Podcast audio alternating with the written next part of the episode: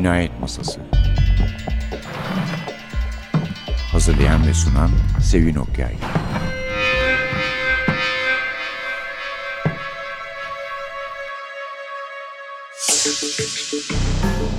Merhaba, NTV Radyo'nun Cinayet Masası programına hoş geldiniz.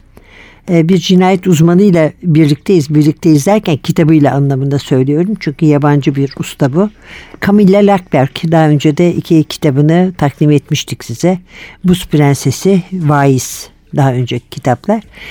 Gene aynı kitapların dünyasında onların geçtiği yerde geçen karakterlerinin çoğu aşina karakterler olan bir üçüncü roman bu seriden Lackberg'in serisinden bu seferkinin adı Taş Ustası The Stonecutter İsveççe adıyla Sten Hugare 2005 tarihli bir roman bir psikolojik gerilim Camilla Lackberg'den çok iyi tanıyoruz dediğim gibi çünkü biliyorsunuz orada bir küçük köy var bu aslında 17. yüzyılda bir balıkçı köyü olarak ortaya çıkmış yani o zamandan beri vardığını sürdüren bir yer. Fjölbacka diye okunduğunu umut ediyorum. Burası aynı zamanda Camilla Lackberg'in doğup büyüdüğü yer. Göteborg'un 140 kilometre kadar kuzeyinde, Kuzey Bohuslanda Fjölbacka adını da köyün etrafını çevirdiği kayalık bir çıkıntıdan alıyor. Ve yaz ayında binlerce turist geliyor buraya. Yılın geri kalanında bin kadar devamlı sakini var. Fakat Camilla Lackberg bunların arasından epeycesini öldürdüğü için köyün ne kadar süreyle varlığını sürdüreceğini pek bilemiyoruz. Yani bin kişi takdir edersiniz ki zaten pek fazla bir kişi değil ama şaka bir yana yani kitaplarda başkalarında pek bulamayacağınız bir tat var. Çünkü öne çıkan bir dedektif yok. Yani gerçi hep aynı polisler var. Hangilerini sevdiğimizi de biliyoruz o polislerin içinde. Ama çıkıp tek başına esrarı çözen bir dedektif yok. Buna karşılık dediğim gibi Patrick ve Martin gibi sevdiğimiz adamlar var. Melenberg gibi nefret ettiğimiz polisler var. Aile durumu aynı gene ilk kitapta tanıdığımız Erika ile sonra birlikte olan Patrick yani sevdiğimiz polislerden biri. Ve kitabın en sevimsiz karakteri belki de Melberg aynı zamanda Lackberg'in büyük bir ustalıkla meydana getirdiği, yarattığı bir karakter. Bu sefer gene aile boyu bir trajedi var. Çünkü kitap bir istakoz avcısının sepetini çekerken işte o sepete takılan bir el vasıtasıyla bir küçük kızın cesedini bulmasıyla başlıyor ve boğularak ölmüş olduğu anlaşılıyor. Patrick görür görmez kızı tanıyor çünkü karısının arkadaşı Charlotte'un kızı. İster istemez haber vermeye gidiyorlar. O evde Charlotte huysuz annesi diyeceğim. Hasta babası, doktor kocası, oğlu Albin ve kızı Sara yaşıyorlarmış. Sara artık yok. Ama her şey birbirine bağlı. Kısa bir aradan sonra devam edeceğiz nasıl bağlı olduğunu.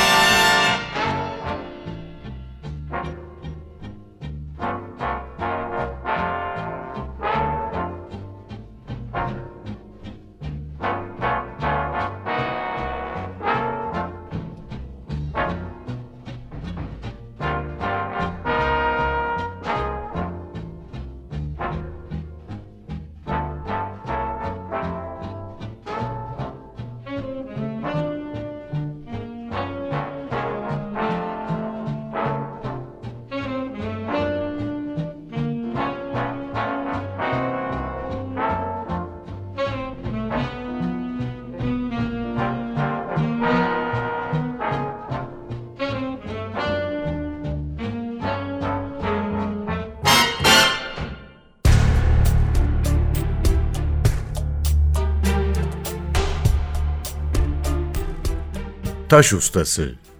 Bankstone'un bir cesedin denizde nasıl hareket ettiği konusunda bu kadar bilgili olması Patrick'i şaşırtmadı. Eskiler bilirdi. Ceset önce batardı, sonra içi gazlarla doldukça yavaş yavaş su yüzüne çıkardı. Zamanla tekrar derinlere gömülürdü. Eski günlerde boğulmak balıkçılar için gerçek bir tehlikeydi. Bankstone mutlaka daha önce de talihsiz kurbanları aramaya çıkmıştı. İstakozcu bu düşünceyi doğrulamak istercesine orada çok uzun süre kalmış olamaz. Daha suyun yüzeyine çıkmamıştı, dedi. Patrick başıyla onayladı. Raporda bunu söylemişsin zaten. Öyleyse artık baksak iyi olacak. Martin'le Patrick teknenin bağlı olduğu iskelenin ucuna doğru çok yavaş adımlarla yürüdüler. Küpeşte'nin yanına gelene kadar güvertede yatan şeyin ne olduğunu tam göremediler. Yaşlı adam çektiğinde kız sırt üstü düşmüştü. Islak ve dolaşık saçları neredeyse bütün yüzünü örtüyordu. Ambulans gelmiş dedi Patrick. Martin başını halsizce salladı. Çirli yüzü ve bakır sarısı saçları bembeyaz yüzüyle kıyaslandığında birkaç ton daha koyu görünüyordu. Bulantısını kontrol etmeye çalışmaktaydı. Kurşuni hava ve aniden esmeye başlayan kuvvetli rüzgar korkutucu bir fon oluşturuyordu. Patrick araçtan bir sedye çıkarıp onlara doğru hiç acele etmeden getiren can kurtaran ekibine el salladı. İki acil sağlık görevlisinden biri tekneyi başıyla işaret ederek boğulma vakası mı diye sordu. Evet öyle görünüyor diye cevap verdi Patrick. Ama adli tabip karar verecek. Sizin onu alıp götürmek dışında yapabileceğiniz bir şey yok. Evet bunu duyduk dedi adam. Sedyeye çıkararak başlayalım işe. Patrick başını salladı. Felakete kurban giden çocuklarla karşılaşmanın bir polis memurunun görevini yaparken başına gelebilecek en kötü şey olduğunu düşünürdü hep. Maya doğduğundan beri hissettiği huzursuzluk sanki bin kat artmıştı. Şimdi yapması gereken işi düşündükçe yüreği sızlıyordu. Kızın kimliği tespit edilir edilmez annesiyle babasının hayatını mahvedecek haberi vermek zorundaydılar. Sağlıkçılar tekneye atlamışlardı. Kızı dikkatlice tutup iskeleye çıkardılar. Islak kızıl saçları solgun beyaz yüzünün çevresinde yelpaze gibi açılmıştı. Camlaşmış gözleri rüzgarla sürüklenen gri bulutları seyreder gibiydi. Patrick önce bakışlarını kaçırdıysa da şimdi büyük bir isteksizlikle aşağıya yerde yatan kıza baktı. Sonra buz gibi bir el yüreğini sıktı. Martin ona şaşkın şaşkın baktı, sonra birden Patrick'in ne demek istediği kafasına dank etti. Kim olduğunu biliyor musun? Patrick sessizce başını salladı.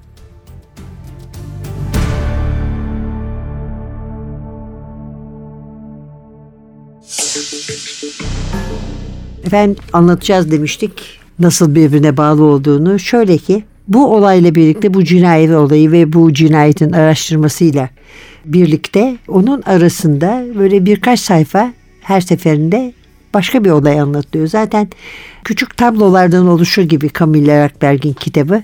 Olayla ilgili olan herkes ki bazen ilk başlarda ne şekilde ilgili olduklarını bile anlayamıyorsun. Herkesten böyle iki buçuk üç sayfa, üç dört sayfa bilemedin bahsediliyor. Bunların arasından bir tanesi de 1920'li yıllardaki bir aşk ya da birliktelik hikayesi diyeceğim. Çünkü karakterlerin, kahramanlarının birine göre bu aşk, diğerine göre sadece öylesine bir birlikte olma. Bu e, hikaye aslında öbür hikayeleri de etkiliyor. Çünkü aralarında bağlar var. Kahramanların, karakterlerin arasında bağlar var. Ama aynı zamanda bütün bu insanların hayatlarında sırlar var. Ve o sırlarda yavaş yavaş kitap ilerledikçe ortaya çıkıyor. Ama gerçekten ustalıklı bir şekilde gerçekten son ana kadar kimin katil olduğunu anlamak zor öyle söyleyeyim. Çünkü çiçek gibi açılırken olaylar ve insanlar herkesten ara ara şüpheleniyoruz. Hepsinin saklanacak sırları olduğu ve bunun için gereksiz bir gizlilik içine girdiklerinden oluyor bu da. Evet, karışık bir olay örgüsü diyebiliriz. Bir ana olay, bir eski olay, aynı zamanda bir sürü yan hikaye. Ama sonuçta bunların hepsi çocuğunu büyütmek ve yetiştirmekle, bu büyütme ve yetiştirme şekilleriyle ilgili. E, dikkatle bakarsanız en ilgili değilmiş gibi görünen yerde bile bunu bulacaksınız rahatlıkla. Fiolbaka dediğimiz gibi yeterince felaket görmüş bir yer. Ama bu sakozcunun sepetinde ağında bulunan küçük 8 yaşındaki küçük kız kızın ölümü gerçekten herkesi çok sarsan bir olay olmuş ve işin daha da fenası herkes bunu kaza sanırken adli tabip diyor ki hayır bir kaza değil çünkü çocuğun ciğerlerinde banyo suyu var ve sabun var. It's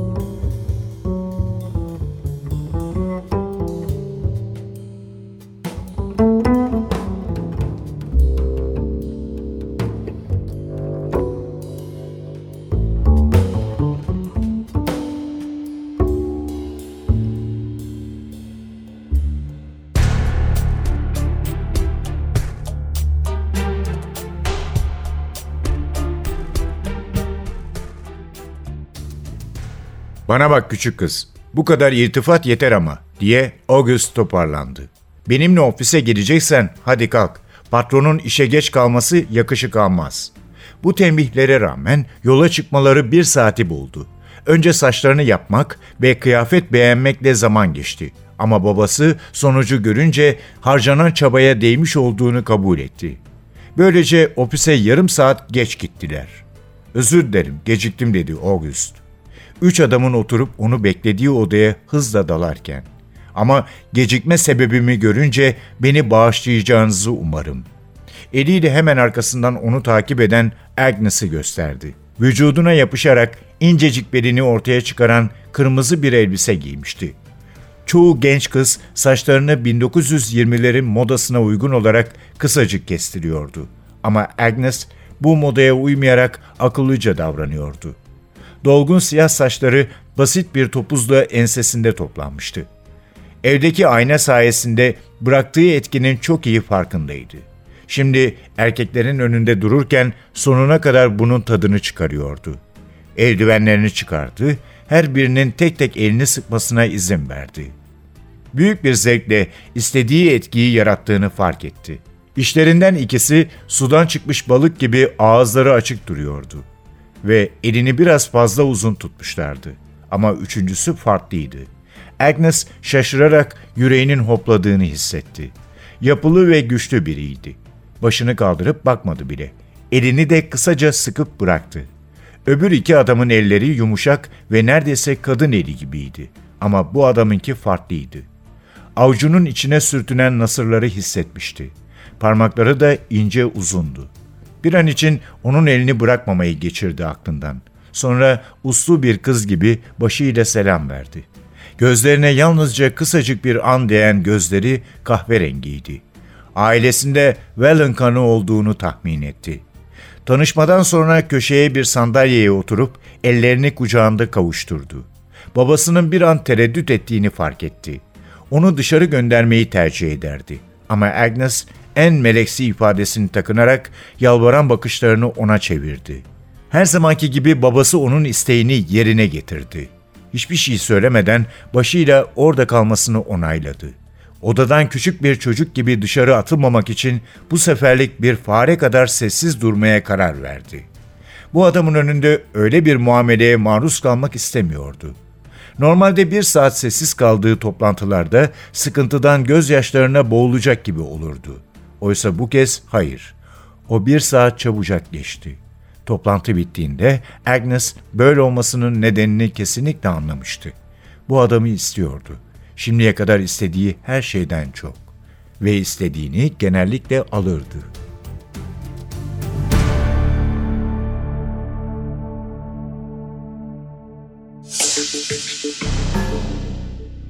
Evet, Sara'nın kurban gittiği cinayetin soruşturması başlangıçta çok da başarılı olmayan bir şekilde ve endişe içinde aslında sürüyor. Çünkü elde ipucu yok ve gittikçe rahatsızlık doğuyor olay nedeniyle. Çocuğun annesi perişan olmuş vaziyette. Anneannesi dediğimiz gibi huysuz bir kadın.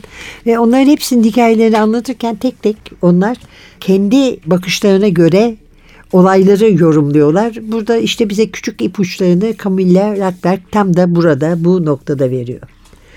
Efendim şöyle bir şey var. Bu Ice Princess'ten hemen sonra yazılmış sanıyorum.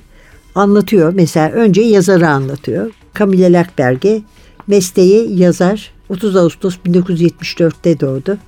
Ailesi, çocukları Ville, Meyer, Charlie ve nişanlısı Martin. Rüyası hayatım boyunca yazar olmak. Başka bir hayatta şef olurdum. Gizli yeteneği dünyanın en lezzetli risottosunu yapıyorum. Kendini nasıl kaybedebilir? Bir şişe kırmızı şarap ve bitter çikolata ile. Onu güldürenler de romantik komediler bir de çocukların söylediği saçma sapan şeylermiş. Ama her şeye ağlarım çünkü gerçekten gözü yaşlı biriyim diyor. Camilla'nın Buz Prensesi için ilk e, sinopsisinde dedektif müfettiş Melberg şöyle tarif edilmişti. Özellikle nahoş ve beceriksiz buna rağmen kendisine Tanrı'nın insanlığa, kadınlara ve polis kuvvetine verdiği bir hediye olarak görüyor. Göteborg'dan geliyor. Birkaç yıl orada çalışmış ama şikayetler üzerine kendisini Gerçi bu şikayetler de kanıtlanamamış ama Feuerbach'a yollamışlar. En büyük emeli kendi gösterip tekrar Göteborg'a gidebilmek ve hem tembel hem beceriksiz olduğu için Patrick'e güveniyor. Patrick'in sonuçlarına ulaştığı, katillerini bulduğu olayları kendine mal ederek Göteborg'a gitmeyi umuyor. Uzun bir saçı var. Yani bu en iğrenç ve akıldan çıkmayan özelliklerinden bir tanesi.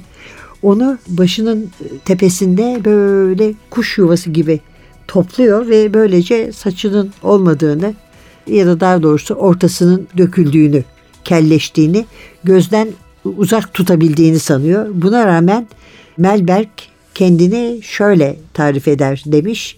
Mesleği müfettiş, dedektif müfettiş. Doğum tarihi yaş sadece bir sayıdır. Aile, oğlum Simon, en sevdiği yemek jambon ve püre, aşk, şarap, kadınlar ve şarkı. Yerini bilmeyen, haddini bilmeyen insanlardan nefret ediyor.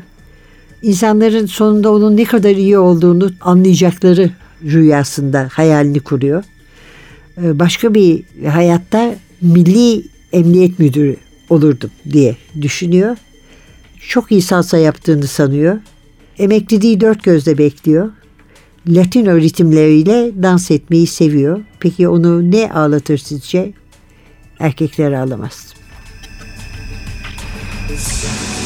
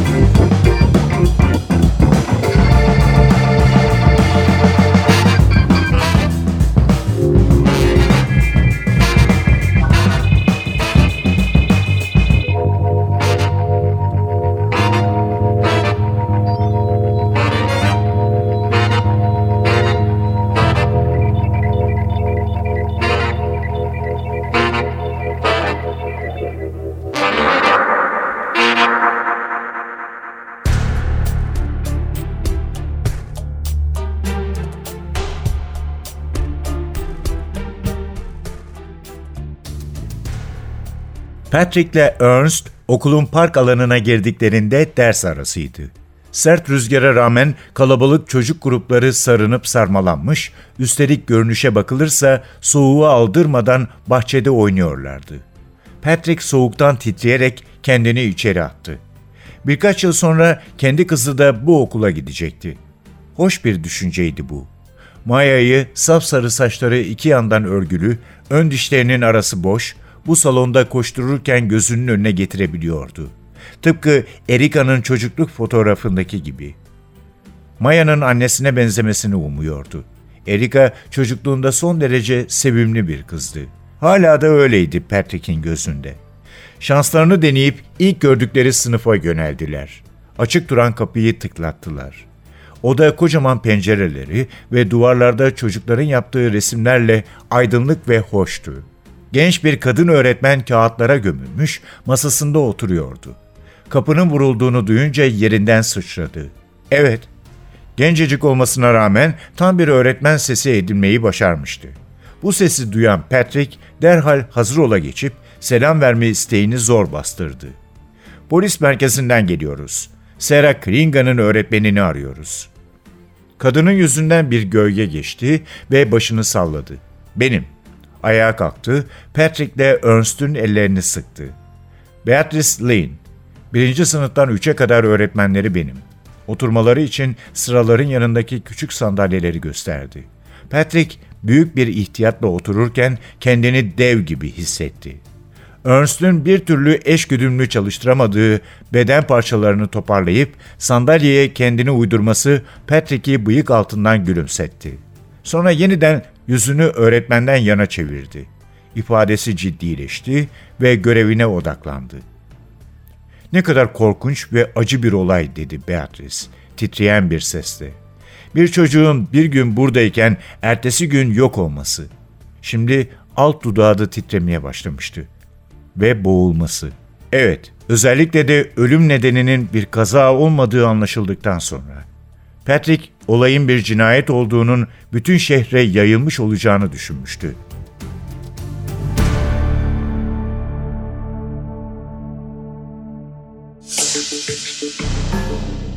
Taş ustası Stonecutter, Camille Lackberg.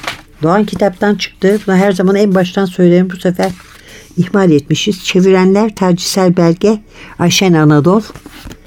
Camille Lackberg kendisine bazen İsveç'in Agatha Christie'si de deniyormuş. Bunu da hatırlatalım. 2002'deki Buz Prensesinden beri, Buz Prenses'ten beri gerçekten çok tanınmış bir polisiye yazarı. 12 kitabı var. Bunların arasında bir çocuk kitabı ile yemek kitapları da var. 33 dile çevrildi kitapları. Hepsi Feuerbach'a geçiyor söylediğimiz gibi doğduğu yerde. Ana karakterlerde yazar Erika ile ilk kitapta tanışmıştık kendisiyle. Polis Patrick.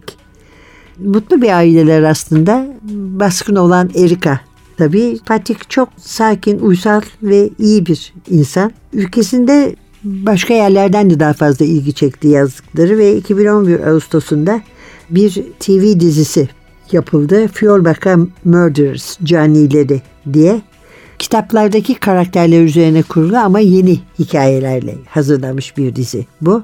Kendisinin ödülleri de var. Efendim şimdi cinayet sahnelerini isterseniz muhtelif kitaplardaki hatırlatalım size. Feuerbach'a Kilisesi var. Bu kilise 1892'de tamamlanmış bir kilise ve bir cinayet mahalli olmuş kitaplarda. Ingrid Bergman Meydanı. Ingrid Bergman da Feuerbach'ı çok severmiş ve benim dünyadaki özel yerim dermiş onun için. 1958'den itibaren hemen hemen her yazı Dan Holmen'de hemen Feuerbach'ın karşısındaki bir adada geçiyormuş. 1982'deki ölümüne kadar. Külleri de oraya serpilmiş hatta. Kungscliff'tan vaiz burada küçük bir erkek çocuğun bir kadın cesedi bulması ile başlıyordu. Ve polisler araştırma yaptıkları zaman orada bir değil iki tane iskelet olduğunu fark etmişlerdi. Evet, e, süremiz her zaman olduğu gibi doluyor tabii. Camille Lackberg ile birlikte idik bugün. Taş ustası The Stone Cutter. Doğan kitaptan çıktı. Türkçe'ye çevirenler Tercisel Belge Ayşen Anadol. Kitaptan bölümleri her zamanki gibi arkadaşımız Suha Çalkivik okudu. Önümüzdeki hafta başka bir esrarla karşınızda olmak umuduyla mikrofonda Sevin, masada Hasan. Hepinize heyecanlı günler dileriz. Hoşçakalın.